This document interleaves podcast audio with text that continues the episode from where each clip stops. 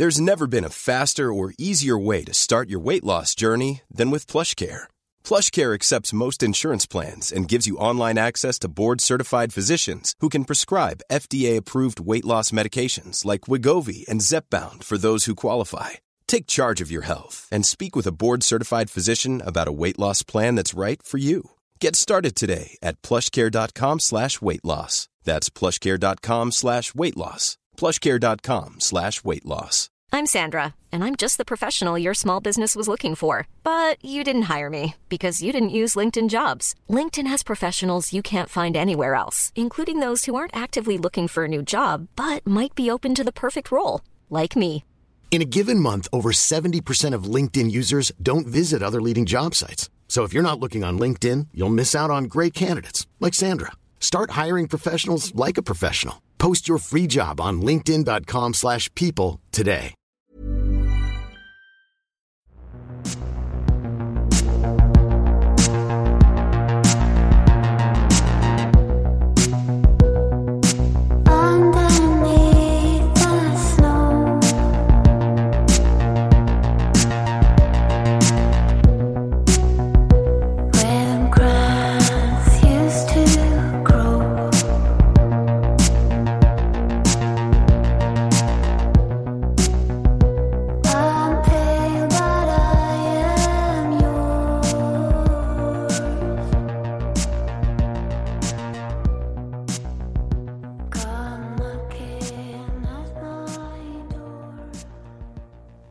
Olösta mord, Biggie och Tupac del 5. Jag heter David Oskarsson och det är jag som skrivit detta avsnitt. Varning! Olösta mords avsnittsserie om Biggie och Tupac kommer innehålla noggranna beskrivningar av hur brutala skjutmord sargar en människas kropp. Beskrivningar av våld samt våldtäkter och sexuellt ofredande kommer att förekomma. Även språk som av många kan uppfattas som stötande. Om du är det minsta känslig för innehåll av detta slag, överväg att lyssna på ett annat avsnitt. Obs om språket i avsnitten. Vi har gjort tämligen försvenskade översättningar av många av de uttalanden som rapparna gjort som inte är helt i enlighet med vad de faktiskt säger. Detta för att det ska bli enklare att förstå för dig som lyssnar och för att många slanguttryck saknar perfekta motsvarigheter på svenska. Det här är en podd som bara ställer frågor och aldrig ger några svar. Vad tror du själv? Kontakta oss gärna med dina teorier om fallen vi tar upp. Kontaktinformation finns i avsnittstexten i din poddapp och i slutet av avsnittet. I förra avsnittet berättade vi om hur fejden mellan öst och väst fortsatte, hur Tupac försökte förföra Faith Evans för att ge igen på Biggie och Bad Boy-gänget och hur Tupacs tidigare nära vän Randy Stretch Walker blev mördad endast 27 år gammal utan att det blev särskilt mycket väsen av händelsen. Annat blev det den 16 december 1995. Då var nämligen Snoop Dogg och hans vänner i gruppen The Dog Pound i New York för att spela in en musikvideo till sin senaste singel New York, New York som hade släppts tidigare den 17 september. Tvärt emot vad man skulle kunna tro var inte New York, New York en disslåt mot varken staden eller östkusten. Däremot var konflikten mellan de två lägren nu så upphaussad att Snoops och Dog Pounds blotta närvaro kunde tolkas som ett inkräktande på territoriet. Dessutom, New York, New York innehöll ett beat som Biggie använt tidigare i en ölreklam för bryggeriet St. Ives. Detta ledde till att Biggie ringde upp den lokala radiokanalen Hot 97 och kåserade om att det var LA-bor på Brooklynbornas territorium. Vi har tyvärr inte kunnat hitta en inspelning av detta, men händelsen har återberättats av ett flertal personer. Det Biggie ungefärligen skall ha sagt var Så de är här och spelar in någon New York, New York-video. Sedan när godkände vi det egentligen? När Biggie ringde samtalet satt både Snoop och Dog Pound och hörde det på sin radio i Red Hook, Brooklyn, där de befann sig för att spela in videon. Rapparen i Dog Pound tyckte Biggies samtal var harmlöst och såg det nog som att han snarare skulle skicka fans istället för fiender åt deras håll.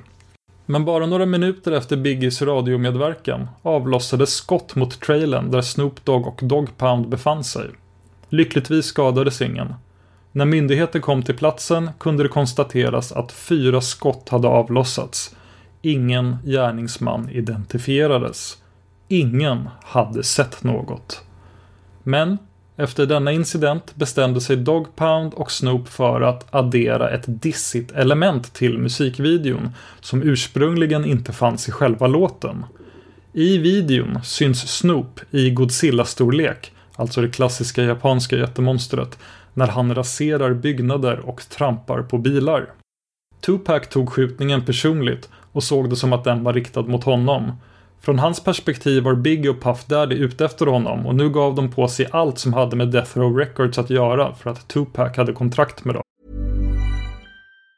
If you thought the only way to get a more defined jawline with natural looking results was through surgery, think again. Juvederm Volux XC is a non surgical injectable gel filler that improves moderate to severe loss of jawline definition and can help you achieve natural looking results with little downtime. Even better, this improved definition lasts up to one year with optimal treatment. No maintenance required. Improve jawline definition for a smooth, sculpted look with Juvederm Volux XC. For important safety information and to find a licensed specialist, visit juvederm.com. That's J U V E D E R M.com. Not for people with severe allergic reactions, allergies to lidocaine, or the proteins used in Juvederm. Common side effects include injection site redness, swelling, pain, tenderness, firmness, lumps, bumps, bruising, discoloration, or itching. There's a risk of unintentional injection into a blood vessel, which can cause vision abnormalities, blindness, stroke, temporary scabs, or scarring. Talk to a licensed specialist to find out if it's right for you. Hiring for your small business? If you're not looking for professionals on LinkedIn, you're looking in the wrong place.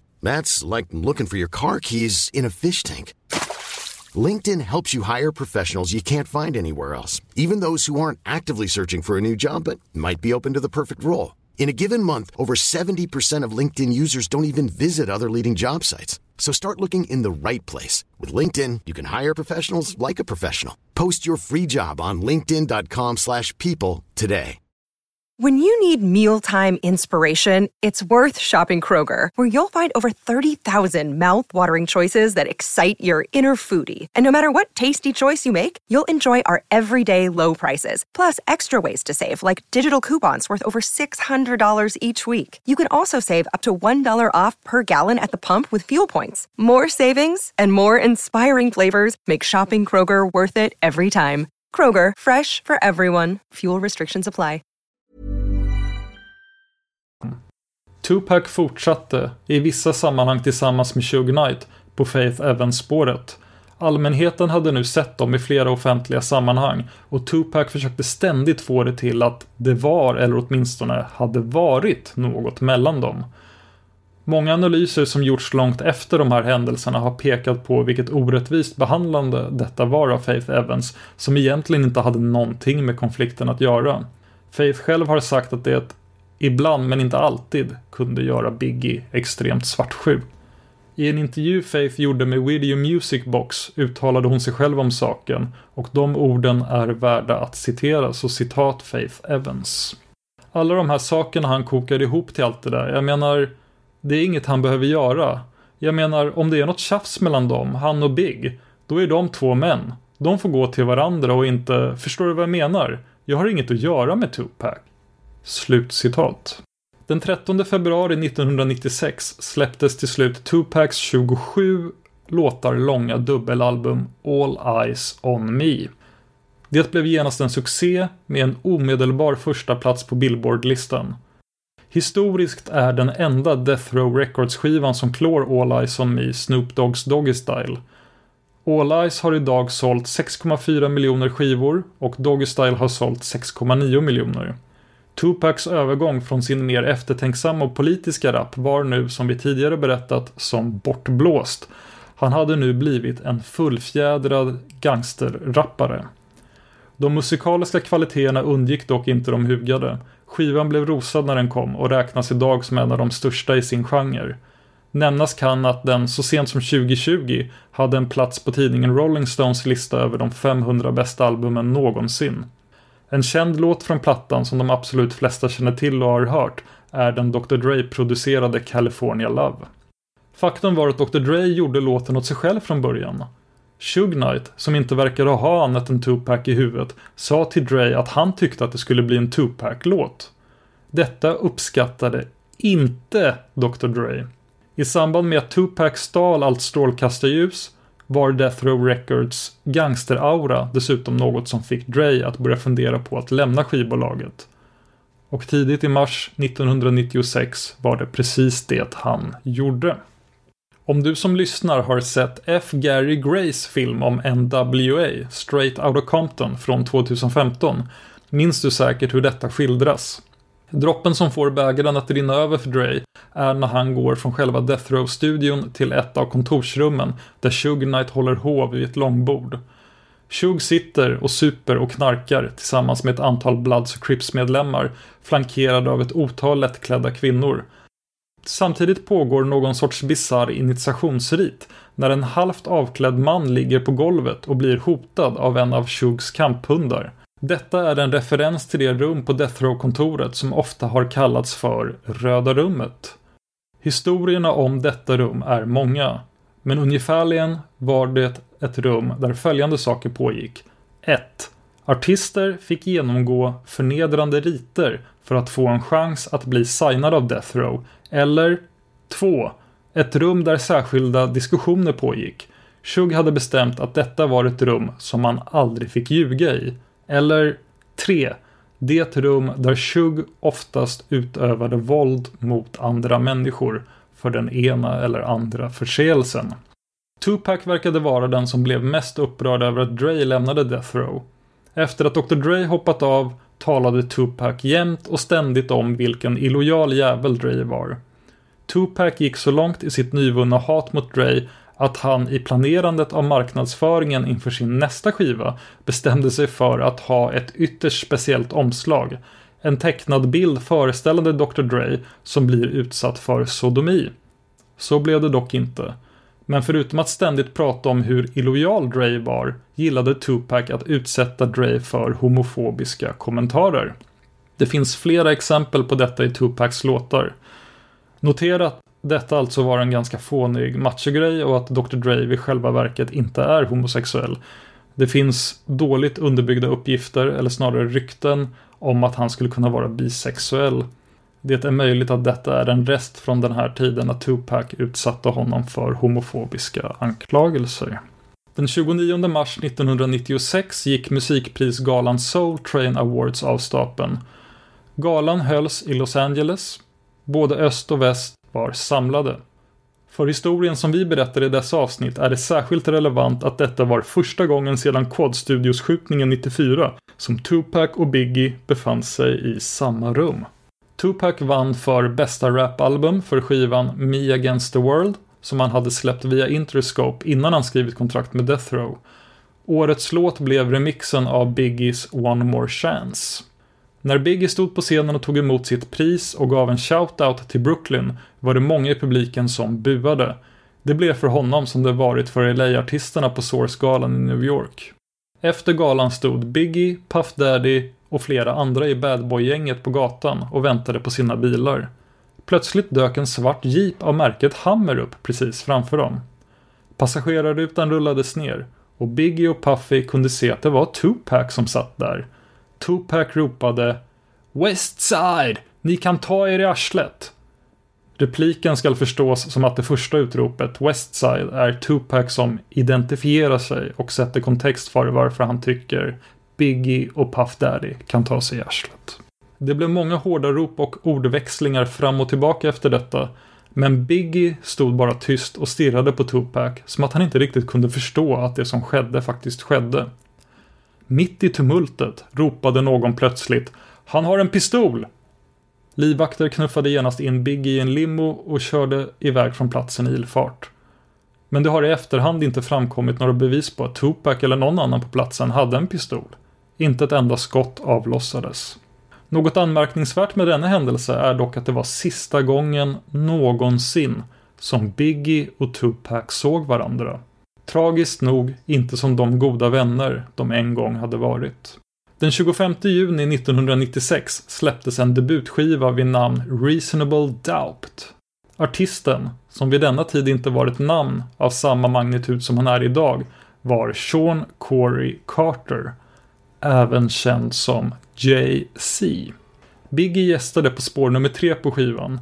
I låten Brooklyn's Finest lade Biggie några rader som var ett av hans få svar på fejden med Tupac och sin talang trogen gjorde han det med en stor portion humor.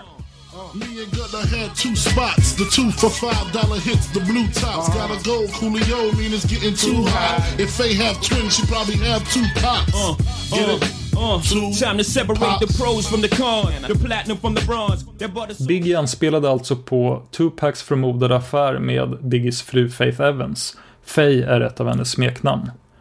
Analyser som gjorts av låten menar att Biggie på ett tämligen milt sätt är sarkastisk och indirekt jämför Tupac med en bebis. Samma analyser pekar även ut hur charmigt och lättsamt Biggie tog sig an det hela jämfört, jämfört med hur hårt och brutalt det lät från Death Rows håll på västkusten. Bara några veckor tidigare hade Tupac släppt sin singel How Do You Want It som innehöll B-sidan Hit 'em Up, vilket ungefärligen skulle översättas till Skjut dem på svenska. Hit 'em Up är onekligen en av de mest kända disslåtarna genom tiderna. När rapartister dissar varandra och har en fade eller en beef, som det heter på hiphop-lingo, handlar det oftast om tvetydiga blinkningar. Så är inte fallet i Hit 'em Up. Tupac skyr inga medel när han rappar rader som de här.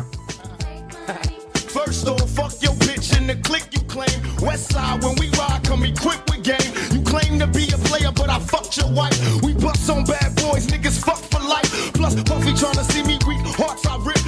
Förutom Biggie gav sig Tupac även på Puff Daddy.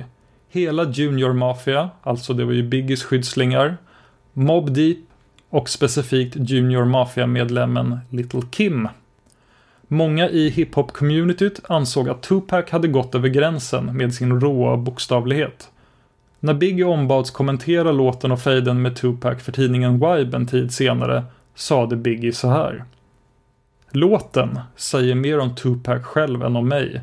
Och om den jäveln verkligen knullade Faye så är det för jävligt hur han bara dissar henne på det där sättet. Inte en enda gång har det framkommit att Faye skulle ha gjort något dumt mot honom. Och om bruden ger dig det du vill ha, varför skulle du då dissa henne? Tupac var fortfarande inställd på att genomföra någon sorts hämnd mot Badboy-gänget och östkusten. Den saken stod klar. Något som dock skedde under ytan och som utvecklades successivt 1996 var hans egen vilja att lämna Death Row Records. Anledningen var att skivbolaget inte fungerade som ett vanligt pålitligt företag. Utomstående kunde inte samarbeta med dem på ett normalt sätt och Tupac började själv känna sig låst och hårt hållen av Suge Knight. I smyg startade Tupac sitt eget produktionsbolag, Euthanasia, och han hade långsiktiga planer på att byta till ett nytt artistnamn som han själv hade kontroll över, Machiavelli. Detta såklart efter författaren Niccolo Machiavelli som skrev boken Fursten som vi tidigare berättade att Tupac läste i fängelset.